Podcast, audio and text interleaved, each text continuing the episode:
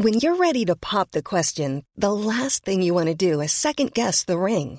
At Bluenile.com, you can design a one of a kind ring with the ease and convenience of shopping online. Choose your diamond and setting. When you find the one, you'll get it delivered right to your door. Go to Bluenile.com and use promo code LISTEN to get $50 off your purchase of $500 or more. That's code LISTEN at Bluenile.com for $50 off your purchase. Bluenile.com code LISTEN. Hiring for your small business? If you're not looking for professionals on LinkedIn, you're looking in the wrong place. That's like looking for your car keys in a fish tank. LinkedIn helps you hire professionals you can't find anywhere else, even those who aren't actively searching for a new job but might be open to the perfect role. In a given month, over 70% of LinkedIn users don't even visit other leading job sites. So start looking in the right place. With LinkedIn, you can hire professionals like a professional. Post your free job on linkedin.com slash people today. Millions of people have lost weight with personalized plans from Noom, like Evan, who can't stand salads and still lost 50 pounds. Salads, generally, for most people, are the easy button, right? For me, that wasn't an option. I never really was a salad guy. That's just not who I am. But Noom worked for me. Get your personalized plan today at Noom.com. Real Noom user compensated to provide their story. In four weeks, the typical Noom user can expect to lose one to two pounds per week. Individual results may vary. Hallå och supervälkommen ska just du vara rakt in i det här eh, sprillans eh, pinfärska avsnittet av din favoritpodd som heter Rätt upp i verkligheten. Ja, men just det, Sveriges roligaste podd som görs av två killar, ja, nämligen jag, Johan Hurtig Wagrell och på andra sidan internet via Skype, Jonas Strandberg. 88, tjenare mannen. Tjenare mannen! Hur står det till idag? Jo, men det står eh, alldeles utmärkt till idag. Jag vill bara direkt bara göra en liten eh, bekännelse, eller liksom jag vill bara berätta om när jag blev satt på plats här åldersmässigt eh, ganska nyligen. Mm, berätta. Förra veckan, eh, om du minns, när vi eh, spelade in så hade vi eh, en eh, jag minns inte riktigt i vilket sammanhang, men det var en mm, dramatisk mening då. Jag tror det var när hon tuppkvinnan dök upp där på något vis. Ja, just det. Just det. Ja, och så sa ju jag att eh, ja, men det här, vår eminenta klippare Ylva, här, här kan vi lägga in liksom eh, lite så Arkiv X-vinjetten så blir det så dramatiskt och spännande. Ja, Mm. Inget konstigt med det tänkte jag. Och sen så hade vi poddat färdigt och då så skickar vi våra filer till henne och så skriver vi ett litet meddelande eh, med beskrivning och titel och så där. Och så skrev jag också så bara, ja just det, det var eh, någonstans i mitten där så eh, kan du väl lägga in eh, Arkivex-ljudet bara. Eh, du hör vad jag säger eh, när det ska in, typ. Och hon svarade eh, snabbt som alltid bara Kul, spännande, men vad är Arkivex för något? Ja. Ja, och jag bara nej, nu är det liksom, nu har jag, nu har jag pratat om eh, eh, barnens brevlåda och Sven Dolling nu igen. Eller nu har jag liksom, ja, American Bandstand, vilket, vilket program hörni. Ja. Det är väl modernt. Eller den här, jag såg den här nya filmen eh, Jaws. Ja, just det. Alltså, vet du, jag tyckte det var så himla kul när jag såg det här också för att ehm, jag tänkte direkt att det är så slumpartat vilka eh, serier och filmer det är som får ny, eh, ny kultstatus eh, för en ny generation. Typ så här, du och jag, vi såg X-Files och, och så där när vi när vi växte upp. Liksom. Det, det har Mm. liksom funnits, på, gick på tv i typ nio år och så där. Det fanns där länge och tro, trofast liksom, tickade Ja. det på. Eh, men det har nog inte fått samma fäste hos eh, yngre, men inte ens sci-fi-fans tror jag inte har, har liksom fått den Nej, kärleken. det är intressant att liksom, eh, man kan aldrig förutspå eller veta vad som blir, vad ska man säga, adlat i efterhand eller Nej, så. för Vänner har ju, det är en, en lite äldre spaning, ber om ursäkt för det, men det, det är ju en serie som många yngre, liksom typ så här, i, ja men du och jag är i 30-årsåldern. Ja. Ja. Jag, jag är, jag försiktigt tyst. där. Ja. Ehm, och folk som är kanske ja men säg eh, 10-15 år yngre än oss, de har liksom hittat en kärlek för vänner eh, och sen den kom på streamingtjänster och sådär och älskar vänner. Men eh, X-Files har inte fått samma grej och Seinfeld har inte fått samma grej heller. Nej, det är lite uh,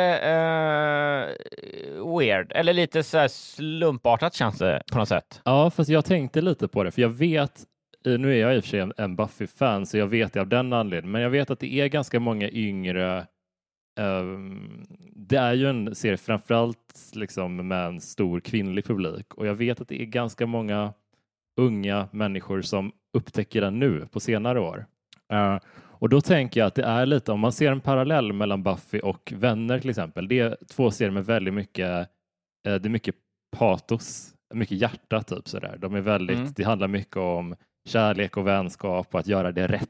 Alltså du vet, det, det är liksom uh, Ja, men det är ju liksom, det har ju en, vad heter det, du brukar prata om, after school special eh, tint på sig. Ja, men det finns det att, att eh, på något sätt att eh, den moraliska kompassen är extremt närvarande hos, hos många av, av huvudkaraktärerna. Ja, det är ändå varma serier, så kan man ja, säga. Men det, ja, precis. Varma serier. Och då kollar man på liksom Seinfeld som inte har fått det fäst hos yngre människor. X-Files som inte har fått det. Uh, det, det är kalla serier, båda två. Ja, vadå, menar du att Agent Fox Mulder inte är, är liksom hjärtlig. Nej, men alltså, det, det, han ska ju vara den som också är öppensinnad och tror, liksom han, han tror att det kanske finns någonting jo, jo, visst, men han till. är väldigt butter och, och vrång liksom. Ja, han, han, är trots det butter och vrång och inte heller liksom uh, Scully, uh, Gillian Andersons uh, underbara karaktär. Inte ens hon. Hon är ju, hon är ju skeptikern och kall av den anledningen. Ja. Det, det är liksom, de kalla serierna får inte samma, från våran uppväxt, de får inte samma fäste hos, hos yngre människor. Jag tror det är helt, det är helt rätt ute. Ska vi liksom börja dela in människor i världen eh, efter eh, ras? Nej, jag menar Gud, vad säger jag? Eh, nej, ja. men efter... Och, och, man delar in alla i hela världen utifrån två kategorier. Om man gillar eh, om man väljer vresig eh, tv eller mm. om man eh, väljer då inte så vresig tv. Ja, det, det, är nog, jag tror att det kan vara något på spåren. Ja, men det är samma med Twin Peaks, en ganska väldigt varm, även visuellt varm serie, särskilt första andra säsongen. Det är, liksom, det är, det är en serie som jag inte växte upp med alls, hade ingen relation till den när jag var, var liten. Jag var liksom jag tror jag var kanske tre eller fyra år när den slutade sändas, liksom, så mm. visste inte ens om att den fanns. Men upptäckte den när jag var 16-17 kanske. Ja. Och bara tyckte det var helt otroligt. Så att, och då var det liksom mycket det här inbjudande myset och trästugorna, kaffedrickandet. Alltså det som lockar en på något sätt. Och så stannar ja. man för mordmysteriet också. Ja, precis. Men sk eh, skulle du säga att eh, Twin Peaks är ovresig? Ja, det kanske den är. Ja, det tycker jag nog. Särskilt, äh, inte tre, tredje säsongen är, är typ iskall, men alltså man går inte in där. Man, man går ju, följer ju den liksom efter de två första. Så att de två, det, jag tänker det är det man får liksom ha som måttstock lite. Jag tycker den är väldigt varm och uh, smetig stundtals i ja. sin värme det, det, det minst vresiga, då tänker jag, då brottas jag mellan att välja eh, According to Jim mm, mm. och Kung of Queens. det är så roliga serier. ja, det är otroligt härliga, eh, men det är liksom, eh, ja men de är inte vresiga någonstans. Nej, nej men det är de verkligen inte. Och jag tänker typ att uh, om, om man ska liksom se vad, vad för serier och, och, serier är lättast att hålla sig till för det är det folk bingar och bygger identiteter kring på ett annat sätt. Men vilka serier, om man ska välja en serie som går, som har varit populär de senaste, ja, men vi kan säga tio åren, alltså jättehet typ sådär. Vilken kommer absolut få en, ett, en andra andning om 20 år och vilken kommer vara fullständigt ointressant för unga människor om 20 år? Just det. Ja, vi ska nu det göra det som vi, som vi har sagt är ganska svårt och omöjligt. Nu ska vi göra det eh, för kommande 20 år. Ja, men jag, har, jag. jag. Jag, kan börja bara för att mjuka upp lite. Tack! Säg serien först och så får jag gissa om du tror att den blir eh, liksom får en revival eller om den försvinner. Ja, okej, okej, absolut. Då är serien som jag först vill lyfta Breaking Bad. Eh, den tror jag eh, kommer försvinna. Ja, det tror jag också. Yes! Ja. Jag, jag tror att det är, eh, den kommer ha samma tillvaro som gubbar förr i tiden som gillade westerns. Ja, som visst. var från deras uppväxt. John Wayne, Clint Eastwood. Alltså det finns en för varje generation typ. Liksom. För varje generation gubbe så finns det en westernfavorit. ja, men det är väl också precis. The Wire är ju en sån serie. Ja. Jag är, älskar tv-serier, men jag har sett två avsnitt av The Wire och kommer nog aldrig... För jag växte inte, alltså den fanns inte riktigt i min... Ja, den fanns ju då, men den fanns inte i min begreppsvärld riktigt. Så nej, nej, precis. finns- Den var för lite. Jag har sett The Wire i, i, eh, i efterhand och älskade den. Mm. Men jag är ju också en western-gubb. Alltså, jag är ju den mm. personen som vi pratar om lite grann. Ja, men för det vi, det vi nämner nu är ju liksom inte att det kommer bli, alltså att den kommer försvinna på det, utan det är liksom att den kommer inte få en ny generation fans. Breaking Bad kommer inte få det. det jag är 90 procent säker på att den, de som gillar den har upptäckt den liksom typ under dess livstid eller strax efter. Det kommer Ja. inte gå 20 år och någon kommer gräva upp den från streamingarkiven och bara Wow, vad är det här för någonting? Den Nej, men det är också någon så att den blev, den fick också så, dels var den så annorlunda när den kom. Mm. Det här med att den liksom huvudkaraktär som verkligen förändras totalt Mm. från början till slut på serien liksom. Eh, och sen att den var, ja men den hade ju mycket eh, som var liksom väldigt eh, groundbreaking för sin tid om man säger, men det gjorde ju också att den fick väldigt mycket eh, Ja, men den hade ju väldigt mycket och har fortfarande mycket inflytande över kommande serier, vilket gör att eh, landskapet som, som det ser ut nu och ti, om tio år kommer vara så, så liksom baserat på den eller inspirerat av den så att om man då tittar tillbaka så då missar man helt varför den var för, då, då, då kommer sådana gubbar som jag sitta och säga så här, jo men det var helt nytt då. Ja, precis. Man hade aldrig sett något liknande förut. Det Bara, Nej, men nu har man gjort det i 20 år. Ja, så nu det- vi, nu, det Ja, och- finns ingen anledning att gräva upp Walter White. Nej, exakt. Och den kommer betraktas som en antik prototyp. Typ att man ser att det känns som Exakt att allting så. går så långsamt, att säsongerna är så långa och att de håller länge. Alltså, jag tror att, eh, ja, mycket så. Jag började titta, apropå långsamhet, jag började titta på, eh, nu heter den, vad heter den? The Long Goodbye, en sån eh, eh, 70-tals eh, deckarfilm eh, om han Philip Marlowe som var en Oh, mys. f- eh, deckar eh, skriven karaktär och så är det då eh, Robert Altman som, som har gjort den tror jag. Mm. Och den är svinmysig. Den är liksom filmad. Det ser ut som eh, typ eh, Once upon a time in Hollywood, Mm. fast liksom på riktigt.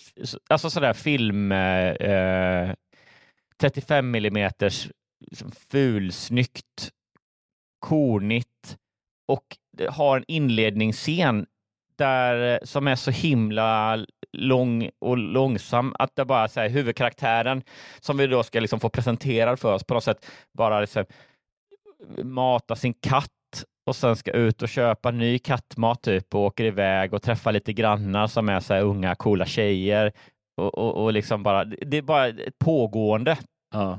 i typ en kvart känns som. Ja. Och det, jag älskar det, men det är verkligen så här, det är idag, det blir liksom, om allt var så då, så eh, eh, nu blir det verkligen så att man bara, oj, vilket så här, vilket intressant och medvetet stilgrepp att göra det så här jättelångsamt. Det Mm. måste vara en tanke med. Nej, men det kanske bara var att det var så man gjorde då. Liksom. Ja, att vi skulle inte förstå annars om han ena sekunden stod och hällde upp kaffe i, sin, eh, i sitt hem och sen så andra sekunden var ute. Va, vad hände däremellan? Ja, hur fasen kom man dit? Nej, men alltså, alla, det låter som att man är en idiot typ, men jag, alltså, vi måste ju lära oss att förstå sånt visuellt berättande. Och ibland, eh, alltså, annars kommer det kännas fragmenterat och hoppigt om vi inte har lärt oss att göra Nej, den kopplingen. Typ. Ja, men det är alltså fortfarande sista säsongen av älskvärda serien Better Call Saul som då är en, eh, eh, det blir väl en spin-off, prequel kan man inte riktigt säga heller om Breaking Bad. Men, men man kan ju säga en liksom lite prequel sequel, Mm. spin-off. Eh, den, där var jag tvungen att liksom pausa och tänka efter typ, Mm. även i sista säsongen. För att det, Mm. är så, det är många, det är väl tre typ parallella tider på något sätt Ja, det är väldigt eh, hoppigt faktiskt. som den rör sig i. Och det är så här, ja, en del är svartvitt, då vet man, ja just det, nu är det den här svart, den svartvita biten. Men, det, men man älskar ju det ändå. Men, men visst, det, det, det, det, det är lite tuggmotstånd. Mm. Ha, hade du någon mer serie som du, eh, eh, som du hade plockat upp i huvudet? Eh, alltså, då, det, det, det kommer ju bli lite enkelt. Alltså nu, jag vill liksom alltså, ha motsatsen lite här. Liksom. Jag tänker typ att det, det låter som att eh, det handlar inte om att värdera kulturen på det sättet, men jag tror att typ New Girl till exempel kommer vara en sån serie som återupptäcks eh, väldigt eh, tydligt liksom, Ja. om Men vet du- 20 år. Ja, det låter jätterimligt för att det är liksom det är ingen förhöjd, alltså det är ju en förhöjd verklighet, men det är ju en realistisk, det är ju en vardag på något sätt som man eh, som det utspelas i. För det finns ju en grej, om jag, om jag bara får liksom dra en, ett, vi kan bara, vi behöver inte dra kvar allt, jag kände att jag drog iväg på världens sidospår här, men, Älskar Jag- det. Ehm, men jag tänker typ, när man själv väck, alltså började bilda sin egen uppfattning vad man tyckte var bra och intressant och liksom för musik och film och sådär, då eh, i alla fall jag upplever att det var ganska många fler som som var intresserade av någon så här lite alternativkultur som sökte sig till lite äldre filmer. Att det var en, en, en lägre tröskel till att se till exempel eh, ja, men så här, Streetcar Named Desire, Casablanca, alltså så här svartvita äldre filmer. Typ, att, att, för det är ju bara en isolerad historia. Typ. Det är inte, och de är ju allvarsammare, de filmerna. Men det är också långfilmer. Det är inte pågående längre tv-serier. Så, så jag tror att det är det, där det skiljer sig, typ att man är mer benägen att plocka upp väldigt mycket äldre långfilmer som är allvarliga, eh, men mycket, mycket mindre att plocka upp äldre tv-serier som är kalla, allvarliga. Ja, kanske. Ja, så, så skulle det kunna vara för att man känner att eh, För det är ingen som plockar upp en 35 år gammal komedi och bara fan vad rolig den här är. Det, det, det, det fenomenet finns inte på samma sätt, alltså en, en långfilm typ. Det, eh, jag har liksom inte Nej, jag tror att det i alla det, så fall. skulle man börja titta på sig I Love Lucy, eh, som väl är en av de, här, första sitcomsen. Mm. Om man skulle liksom bara bingea en säsong I Love Lucy nu så skulle man nog inte känna sig, man skulle nog inte liksom ligga dubbelvikt av skratt kanske. Mm. Nej, Det känns lite så här, märkligt att ta sig an. Jag vet inte, men, eh, men är det inte också lite, tangerar vi inte riktigt lite grann eh, teorin om att eh, tjejer alltid har rätt på något sätt? Mm. I, alltså om du tänker dig då så här, när eh, eh, Beatles kom, Mm. Så var det så här, det var ju mest tjejer som gillade Beatles. De, liksom, de svåra eh, alternativa killarna på den tiden, de lyssnade sä- säkert på något liksom mycket eh, mindre kommersiellt på något sätt. Mm. Mm.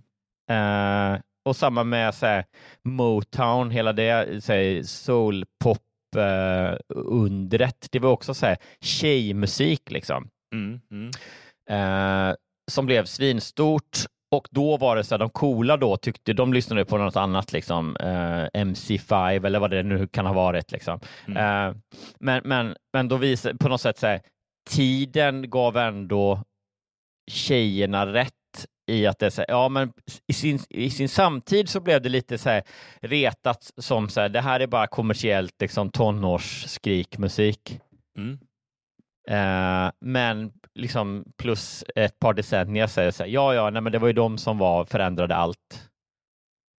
Ja, men Och- jag och tror lite verkligen du har rätt. Alltså, ja, men och, och här, sen då spola fram till eh, typ så här pojkbands, eh, eh, ja men så här hela Cheiron, Max Martin-grejen och, och sånt som var så här superbespottat när det kom. För att då skulle alla liksom coola kritiker lyssna på andra grejer och sådana som jag bara höll på med fransk housemusik och sådär. Eh, Mm. men, men sen blir det på något sätt ändå det som är eh, som har eh, kraften att finnas kvar i ett brett allmänt medvetande mm, på liksom lång sikt. mm, Så det är därför då man kan tänka sig att säga, om man ska hårdra det lite så tror jag att om man måste dela upp det så är ju Breaking Bad mer av en killserie och New Girl är mer av en tjejserie.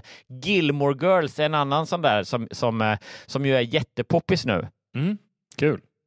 Eh, och eh, jag tror att det är liksom det är liksom smal, eh, dåligt urval för mig här då, för det är liksom min fru och hennes systrar som är, verkligen älskar Gilmore Girls.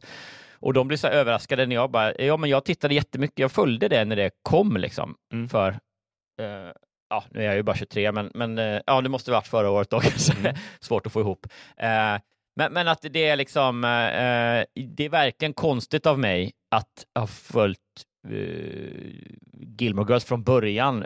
För det var verkligen inga, det var inte många killar som gjorde det på något sätt. Nej, jag fattar verkligen. Jag, jag tycker, jag följer inte det aktivt, men motsvarande för mig var ju så här typ OC och One Tree Hill som Ja. jag tittade på slaviskt, verkligen. Och Buffy kanske. Ja, och Buffy definitivt. Alltså, det var ju verkligen jag och mina systrar som tittade på Buffy Ja, och Angel. ja. Min bror var helt ointresserad typ. Eh, så det var ju liksom någon sån Ja, men jag vet inte. Jag tänker också, ja, ja men du har nog Så rätt. vilken är, Tjejerna vilken är idag den, grejen. liksom, den isolerat tjejigaste? Betyder det att här, om 30 år kommer vi sitta här och podda och så behöva omvärdera RuPaul's Drag Race? Ja, alltså. Är det så långt man ska jag, jag, jag följer ju faktiskt inte RuPaul's Drag Race, men jag såg eh, första avsnittet av den svenska versionen och jag tyckte det var faktiskt eh, riktigt kul. Jag tyckte Ja. det var skojigt. Ja, Eh, ja men du ser. Ja. Eh, det- en annan sån, alltså hela det här The Hills eh, fenomenet med liksom eh, eh, fake reality eller vad man ska säga. mm. Det är också en, en grej som har blivit, som, som liksom var jättebespottat när det kom, men Mm. som nu på något sätt ändå har lite avtryck. Faktiskt, det tror jag vad, så här, verkligen. vad, vad är det, förutom RuPaul's Drag Race, vad är liksom, den- om vi tittar på skriptat då, vad är, om vi ska verkligen anstränga oss innan vi börjar med kärnverksamheten, vad är det tjejigaste respektive killigaste i serieväg vi kan plocka fram här nu då, som ändå är populärt, men som då inte kommer överleva eller bli stort igen om 20 år? Ja, alltså som pågår eller som är väldigt aktuellt. Jag tänker att vi har ju Ehm, hmm. Ja, men, ta en sån som, eh, jag har bara sett pyttelite i början på det, men Last of Us har ju nu gått i mål, va? Mm, mm. och har blivit superhyllat. Men den kanske är svår att säga om den... eh, Den är ju väldigt varm, har jag Ja. förstått, Ja. ändå. Och den är ju kanske inte så eh, tydligt könsmärkt, eller? Nej, det verkar vara, all, alla gillar den liksom. Nej, jag vet inte. Den är ju lite svår, eh, men den är ju också den största serien i världen nu. Liksom. Men jag tänker, det har ju inte det har något jättemycket med saken att göra, men jag tänker nog att den kanske den enade väl lite Ja, den enade väl lite tjej och kill tittarlägren i och med det här omtalade avsnitt tre eh, som eh, tog ner tempot mycket och gjorde det till en kärlekshistoria. Ja, just En det. relation eh, som var liksom väldigt eh, ankrad och väl, välskriven och sådär. Men inte bara den. Jo, jag tror den, den skulle nog kunna... Det beror på hur uttjatad hela postapokalypsgrejen kommer bli, känner jag. Ja. Om det blir Ja, många den som följer den, det så då. kommer nog det bli, återigen, vi kommer se på den som en, en hafsig prototyp.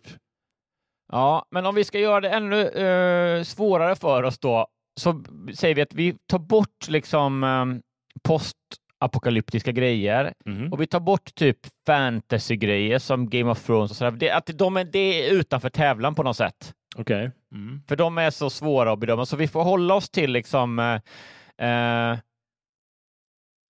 vad ska man säga? Det är ändå eh, både Breaking Bad och New Girl tar ju plats i liksom verkligheten som den ser ut idag på något sätt. Som Mm. inte, och det gör ju inte Last of Us eller fantasy, utan man, det måste utspela sig, även om det kan vara i en liksom eh, amerikansk knarkkriminell värld eller i eh, liksom ett eh, Brooklyn-loft. Mhm. Så, så, så ska- det ändå vara, det skulle kunna hända nu liksom, om man säger men, så. Jo, men jag har en. Okej, jag har ett wildcard som, kommer, kul. som jag tror kommer överleva och då är det ingen kvalitetsstämpel. Jag har bara sett två avsnitt typ. Men okej, eh, jag tror att oh, kids om 20-25 år kommer återupptäcka That 90s show. Oh! Ja, Ja, jag tror, jag tror fan att det, det, det kommer vara liksom för det är ju då, alltså vad ska man säga, det är en uppföljare till, eh, en 20 år senare på The, That 70s Show. Ja, men no några av karaktärerna från 70s som gästspelar lite, men i, i Ja, överlag och, så är det några, liksom en... och några är serie för- åtalade för eh, sexuella övergrepp och så vidare, eller? Ja, just det, det var ju han ja. Mm. Tråkig historia det där. Ja, den Men- karaktären återkommer inte, eller? Det tror jag verkligen inte. Inte Eh, jag har än. inte sett den, jag har bara sett två avsnitt och då är det liksom Ja, skitsamma. Men det, det, det är ett par kända ansikten. Ja, den tror jag kommer vara med för att eh, det är visserligen en spin-off på 70s, men den är också typ fristående i det att det är, det fokus på de yngre personerna och deras liv som 70s var för Ja. den generationen. Så jag tror att den kommer nog vara så här lite ganska easy accessible, lite kul 90-tals kitsch eh, och sådär. Eh, och Vet vad jag skulle konstigt nog, tycka var... Ja, det- förlåt, säg. det, det är laugh tracks också. Det är väldigt roligt. Är det det? Åh, vad Ja. härligt! Vilken jävla liksom... Jättekonstigt är det. Jag skulle vilja bara ha en graf över från liksom eh, andra världskrigets slut typ till idag och någon sorts graf över liksom laugh track eh, burkskrattsanvändandet i, eh, i, i tv. Mm, mm. Det, bara, bara- titta på den och se liksom eh, hur många av eh, showerna där ute använder sig av det på något sätt. Ja, men även eh, han eh, Chuck mysigt. Lorre som var den stora sitcomskungen på 2000-talet. Han, Ja, hans båda serier som väl gick i mål ganska nyligen, tror jag, eh, Big Bang Theory och uh, Two and a Half Men. Ja. De jobbade ju med laugh tracks och det, eh, i alla fall, jag tror att Big Bang Theory gick i mål kanske för två år sedan eller något, något sånt där. Eller så kanske den fortfarande pågår rent Nej, av. den, har, den har gått i mål. För det, sen kom ju den här Young Sheldon. Ja, just det. Jag var ändå en av de, tror jag, få som eh, vågade erkänna i alla fall att jag eh, eh, uppskattade, rent av älskade eh, Big Bang Theory in hela vägen in på mållinjen. Det var någon som skrev, skrev en så här rolig tweet om Young Sheldon att jag tittar inte på Young Sheldon för jag vet att han ändå inte kommer dö i slutet. ja, det är bra. I'm Sandra, and I'm just the professional your small business was looking for. But you didn't hire me because you didn't use LinkedIn jobs. LinkedIn has professionals you can't find anywhere else, including those who aren't actively looking for a new job but might be open to the perfect role, like me. In a given month, over 70% of LinkedIn users don't visit other leading job sites. So if you're not looking on LinkedIn, you'll miss out on great candidates like Sandra. Start hiring professionals like a professional. Post your free job on linkedin.com/people slash people Nice. Yeah. What you're hearing are the sounds of people everywhere putting on Bombas socks, underwear, and t-shirts made from absurdly soft materials that feel like plush clouds. Yeah, that plush. And the best part? For every item you purchase, Bombas donates another to someone facing homelessness. Bombas. Big comfort for everyone. Go to bombas.com slash ACAST and use code ACAST for 20% off your first purchase. That's bombas.com slash ACAST. Code ACAST. Burrow's furniture is built for the way you live. From ensuring easy assembly and disassembly to honoring highly requested new colors for their award-winning seating, they always have their customers in mind. Their modular seating is made out of durable materials to last and grow with you. And with Burrow, you always get fast, free shipping. Get up to 60% off during Burrow's Memorial Day sale at burrow.com slash ACAST. That's burrow.com slash ACAST. burrow.com slash ACAST. Millions of people have lost weight with personalized plans from Noom, like Evan, who can't stand salads and still lost 50 pounds. Salads, generally, for most people, are the easy button, right? For me, that wasn't an option. I never really was a salad guy. That's just not who I am. But Noom worked for me. Get your personalized plan today at Noom.com. Real Noom user compensated to provide their story. In four weeks, the typical Noom user can expect to lose one to two pounds per week. Individual results may vary. Everyone knows therapy is great for solving problems, but getting therapy has its own problems too, like finding the right therapist, fitting into their schedule, and of course, the cost. Well, BetterHelp can solve those problems. It's totally online and built around your schedule. It's surprisingly affordable too. Connect with a credentialed therapist by phone, video, or online chat, all from the comfort of your home. Visit betterhelp.com to learn more and save 10% on your first month. That's BetterHelp H E L P. Uh, ja, men fan, ska vi hoppa in i kärnverksamheten?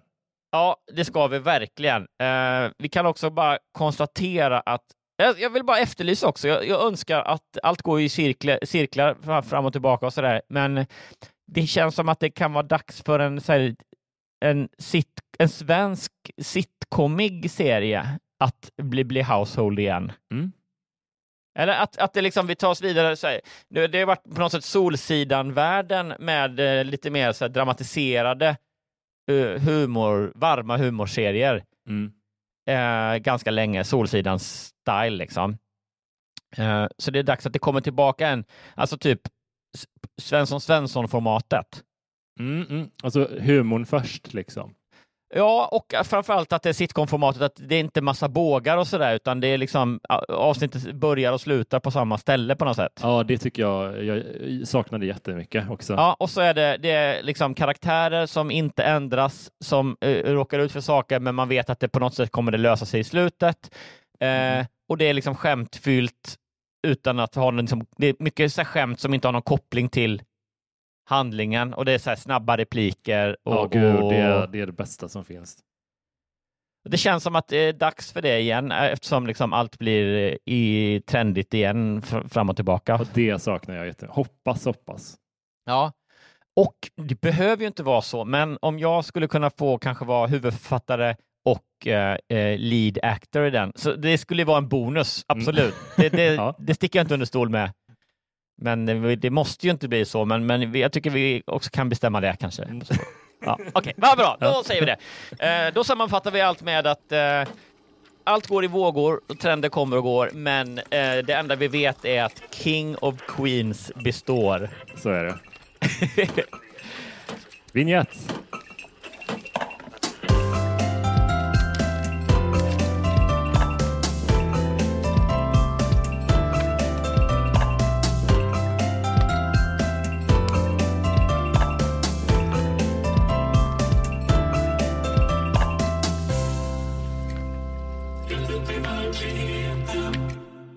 Min dotter hackar konstant på mig. När jag är själv med barnbarnen går det hur bra som helst, men så fort min dotter är med har hon tusen synpunkter på hur jag tar mig an de små. Ja, lite familjegnabb. Eh, ja, det, det underbart. Klassiker. Det är spännande dynamik också. Först måste jag bara säga, en sekund, i en sekund så tänkte jag och hoppades och blev jätteglad att det var någonting med att här, min eh, dotter är en hacker. Att det är så någon sorts datagrej. Jag så bara, jävla roligt. Veckotidningsversionen av War Games. Ja, oh, gud, verkligen. Ja, nej, men, uh... men det är eh. kul här för att det kan ju, det kan ju ta det finns ju olika tydliga spår det kan vara. Alltså antingen är det så att det är en sån riktig stressig amerikansk eh, populärkulturkarriärkvinna som bara är jättejobbig, som är mamman. Mm. Och att hon faktiskt, det är rätt som det står, att hon hackar på sin mamma då jättemycket. Mm. Eller så är det så att det är en riktig sån eh, stereotypisk satkärring till eh, mormor då. Just det. Så att så här, hon är egentligen den som hackar och är på sin dotter så fort hon är i rummet. Och när hon bara försvarar sig så bara, men mormor låt mig vara mamma här nu åt mina barn. Ja, Då exakt. tycker mormor bara, jaha, jaha, du hackar bara på mig, usch då. Ja, det känns som att det är väldigt mycket ego inblandat här, helt klart. Ja, verkligen. Hur klarar andra mor och farföräldrar den svåra balansgången mellan barnen och barnbarnen? Jag tycker att det är jättesvårt, för är det inte fel på det ena så är det fel på det andra. Ständigt är det något i mitt sätt gentemot barnbarnen som min dotter Louise retar sig på. Antingen skämmer jag bort dem eller så sätter jag allt för snäva gränser. För de måste ju få lov att vara barn, heter det då. Barnbarnen är Laura på fyra år och Lukas som är sex. Eftersom jag själv har tre barn anser jag att jag har viss erfarenhet. Okej, viss erfarenhet. Här känner jag... Ja, det där är en riktigt eh, Här satkärringskommentar. börjar man ana lite ton redan, Ja. eller hur?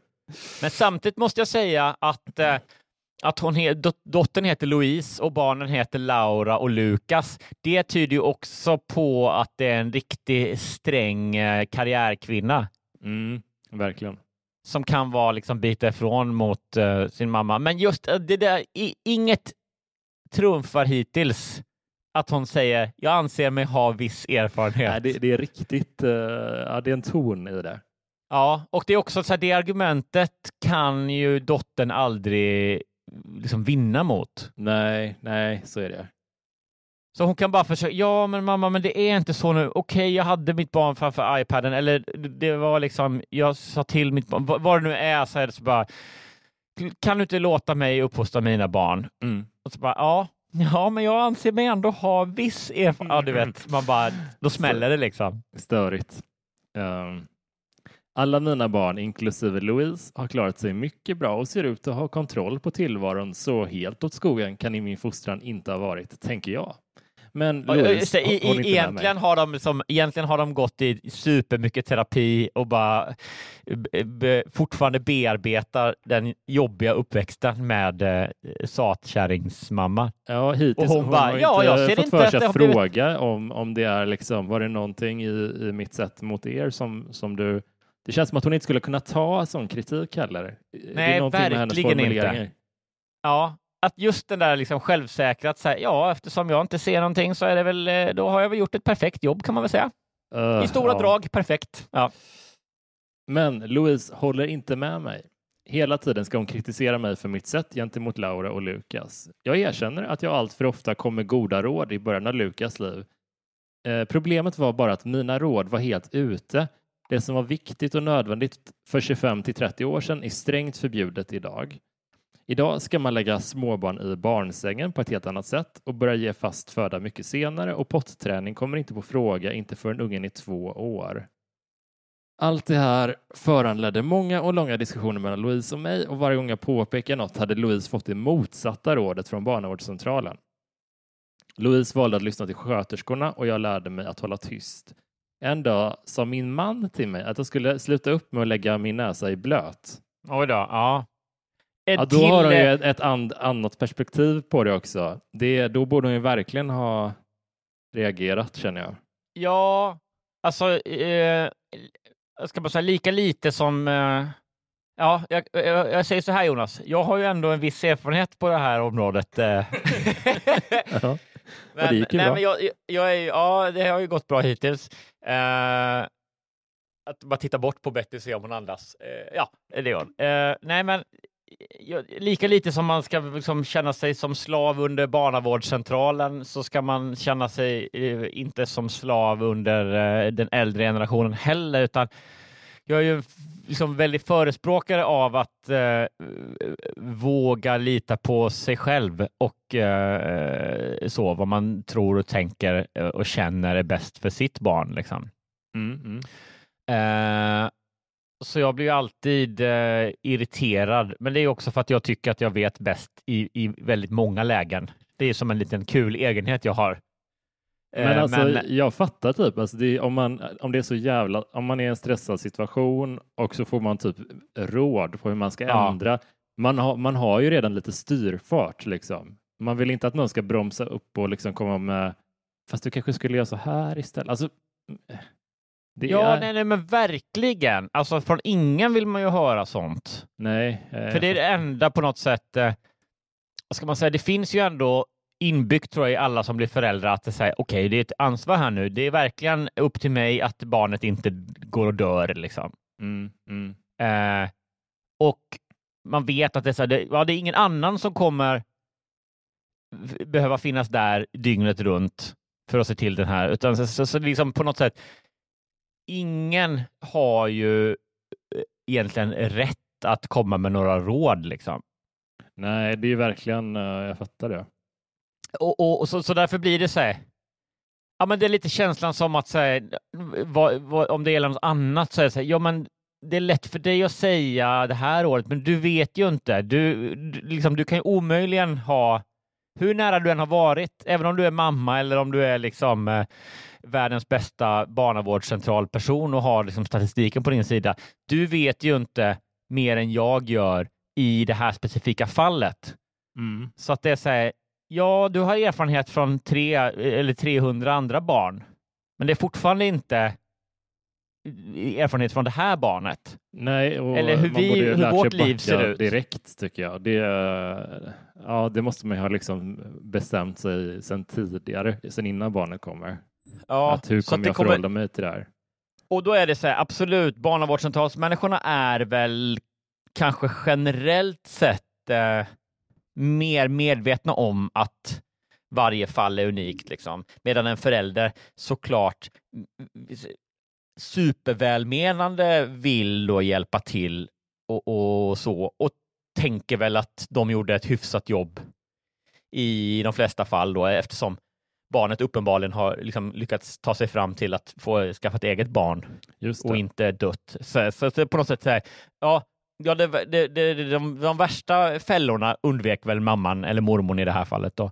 Ja. Men, eh, men det är ändå någonting att här, man ska ha med sig att här, det är liksom hur välment det än är så är det liksom ingen idé att komma med råd om du inte blir tillfrågad. Liksom. Nej, Det är nej, inte det.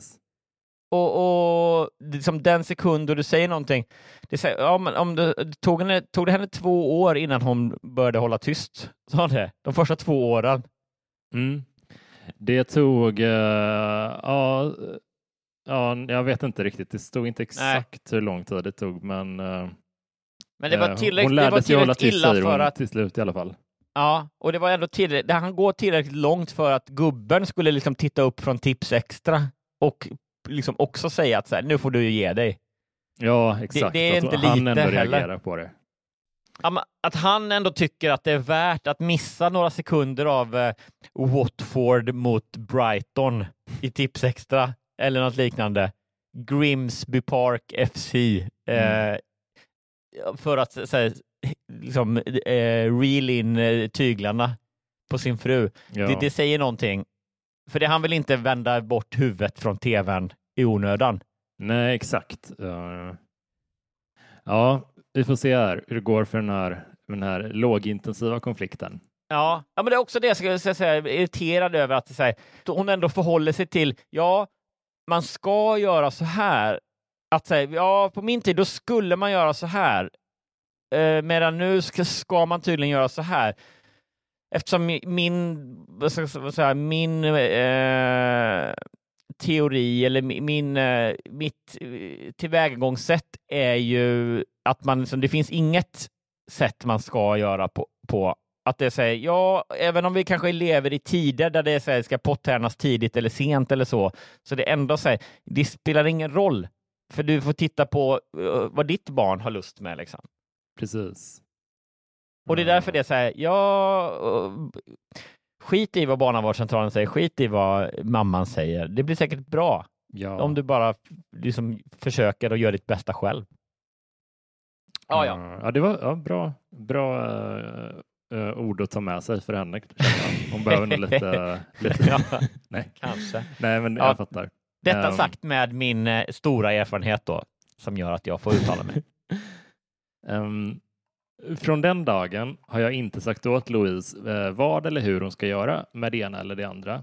Men nu är det faktiskt ombytta roller. Louise hackar konstant på mig. Jag föredrar att vara ensam med barnen för då går det alldeles utmärkt. Det förekommer överhuvudtaget inga skrik eller bråk när barnen är själva hos mig och sin morfar. Laura och Lukas förstår att det är andra regler som gäller hos mormor och morfar. Men Louise begriper inte det. I samma sekund som hon träder över tröskeln börjar bråken och min dotter lägger inte fingrarna emellan. Till och med när barnen hör på börjar hon kritisera mig. Du ger dem för mycket godis mamma, fräser hon när ungarna berättar att de fått varsin glass. En annan kritisk situation är när vi äter tillsammans. Jag uppskattar när barnen sitter fint vid bordet och uppför sig ordentligt vid middagen och det gör de hos oss. Jag må då säga att mormor har fått pli på er. Ni sitter ju som små tennsoldater kan hon säga med en gliring åt mig. Jag blir förstås arg men vill inte bråka inför barnen så för det mesta biter jag ihop men stämningen är ju förstörd. Det värsta med min dotters uppförande är att jag blir så förfärligt osäker varje gång vi träffas. Det känns som om hon bevakar mig hela tiden. Jag vågar inte säga någonting, var det varken det ena eller det andra. Konstigt nog uppför hon sig inte så här med sin pappa trots att han och jag är ense om hur vi förhåller oss till Lukas och Laura. Och snart kommer vårt tredje barnbarn och denna gång är det vår äldste son Mikael som ska bli far. Jag trivs bra med hans fru Katrin och jag är inte egentligen nervös för att vi ska få samma problem som jag har med Louise.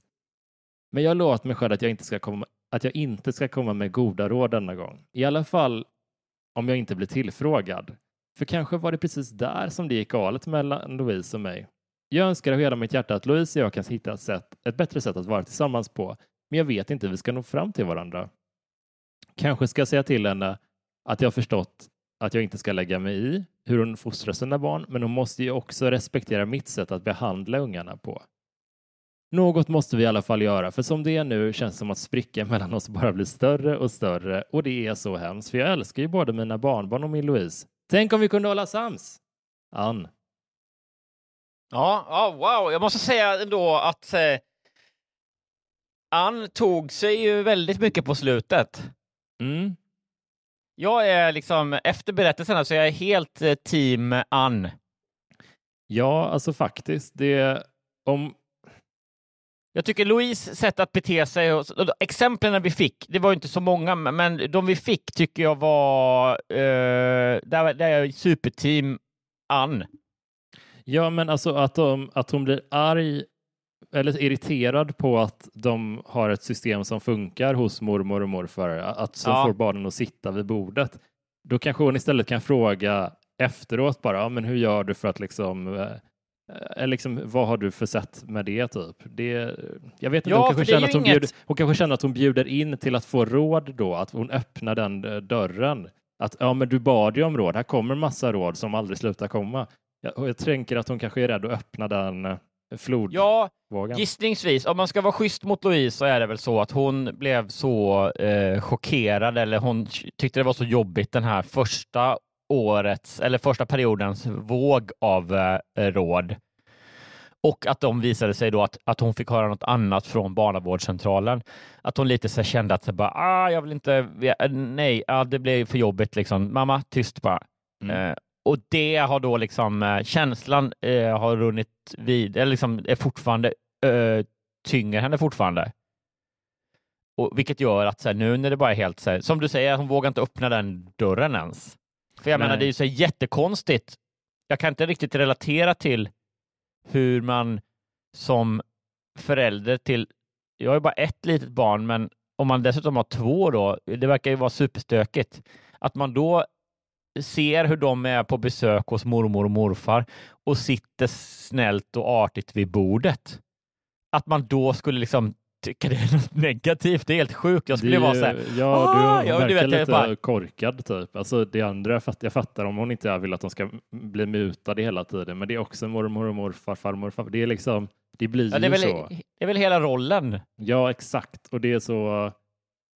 Men jag tycker att det är en ganska komplex, känslomässigt komplex historia, typ. För att man, å ena sidan, vi båda var ense i början av berättelsen om att det fanns en ton hos ehm, Ja. hos Ann. Att hon tycker att Ja. hon har en viss erfarenhet och att hon liksom, ja men det gick ju bra för min dotter, jag har nog koll på det där. Att det finns en självsäkerhet kring det där som är lite oklädsam typ. Och jag tror att vi får inte glömma den när vi liksom tar, eventuellt tar sida och sådär för att jag Nej, precis. Nog, Nej, men jag säger så här. Jag, jag, jag, jag tror att det finns... Jag skulle inte gissa att deras mor och dotterrelation är från början hundraprocentig.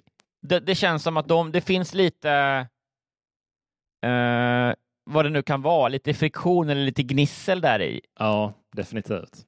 Som är på något sätt eh, i det här att Ann är så sä säker på att hon gjorde allt rätt, medan Louise verkar vara lite liksom ehm, ha en liten kant, ett, någon typ av agg mot sin mamma på något sätt som Mm. är lite outrett. Mm. Eh, vilket gör, som skulle kunna göra då att hon reagerar starkare på saker som egentligen inte är i sig så konstiga. Liksom. Nej, precis.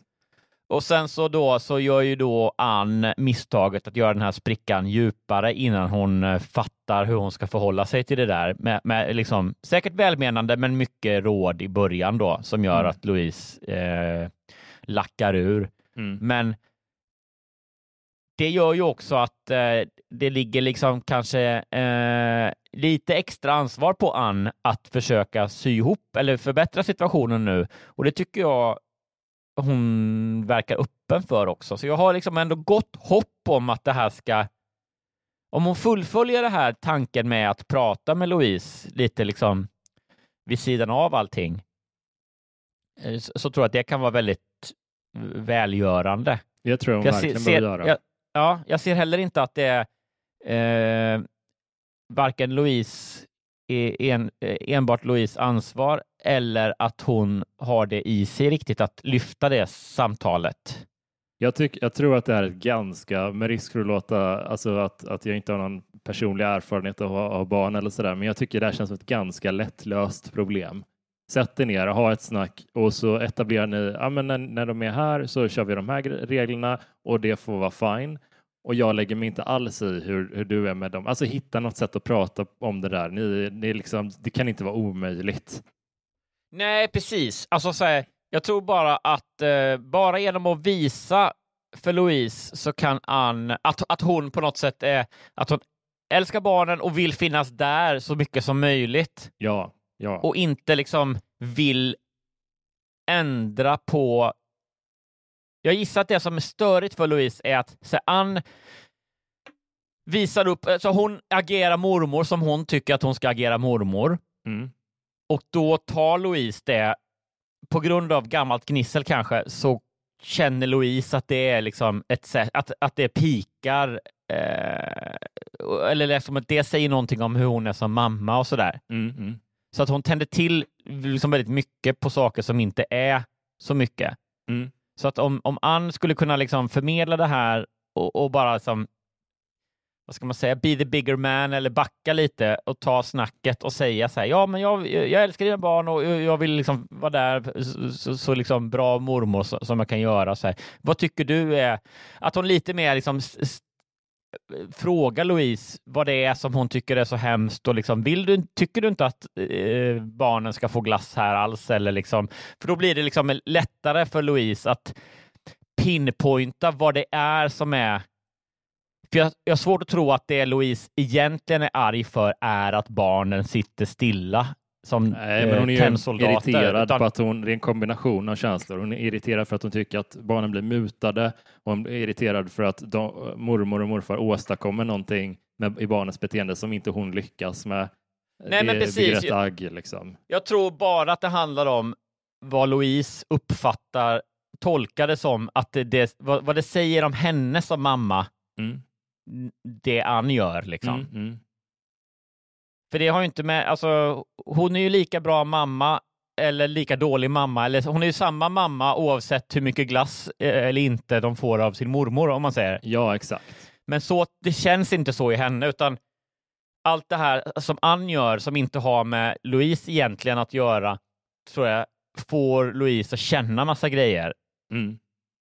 Eh, om vem hon är och hur hon är som mamma och då reagerar hon på dem. Liksom. Exakt. Så att, men att sätta sig och snacka och, och prata ut om det tror jag ba, bara är av godo och kan mycket väl lösa hela situationen.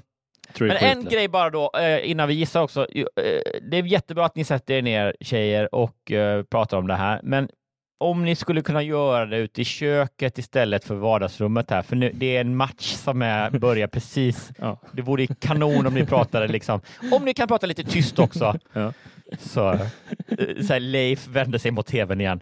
Tack, tack.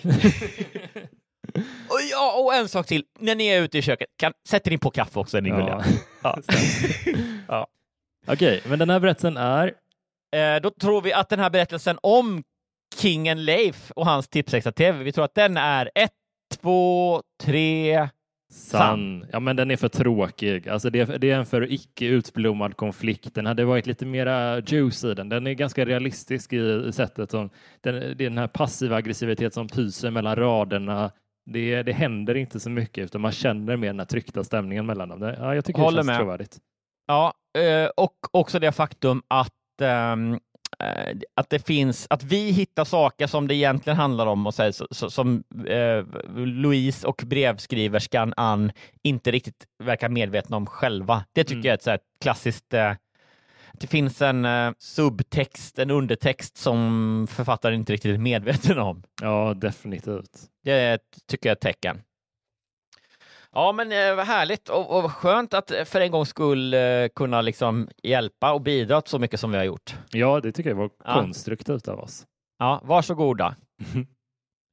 eh, ska vi göra så att vi tar vagnen med TV6-lyssnarna nu, Jonas? Jag tycker det. Ja, och så liksom fäller vi upp spärren och vad man nu gör och kanske lyfter bort någonting, drar ut någon sladd och sen låter vi eh, vagnen med TV6-lyssnarna stå kvar på perrongen. För de har kommit nu till eh, öronvägs ände kan man säga.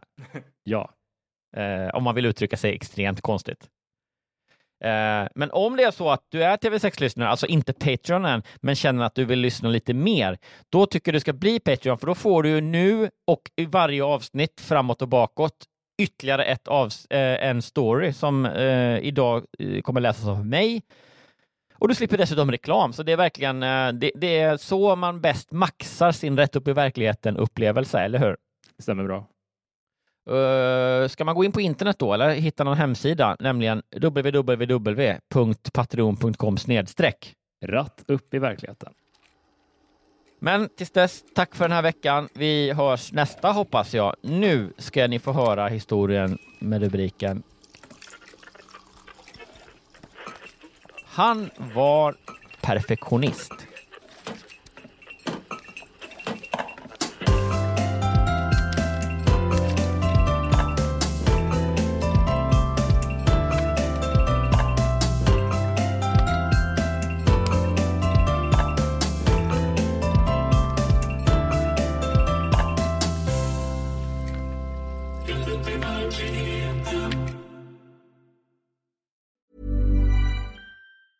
Planning for your next trip? Elevate your travel style with Quince. Quince has all the jet setting essentials you'll want for your next getaway, like European linen, premium luggage options, buttery soft Italian leather bags, and so much more. And is all priced at 50 to 80% less than similar brands. Plus, Quince only works with factories that use safe and ethical manufacturing practices. Pack your bags with high-quality essentials you'll be wearing for vacations to come with Quince. Go to quince.com slash pack for free shipping and 365-day returns.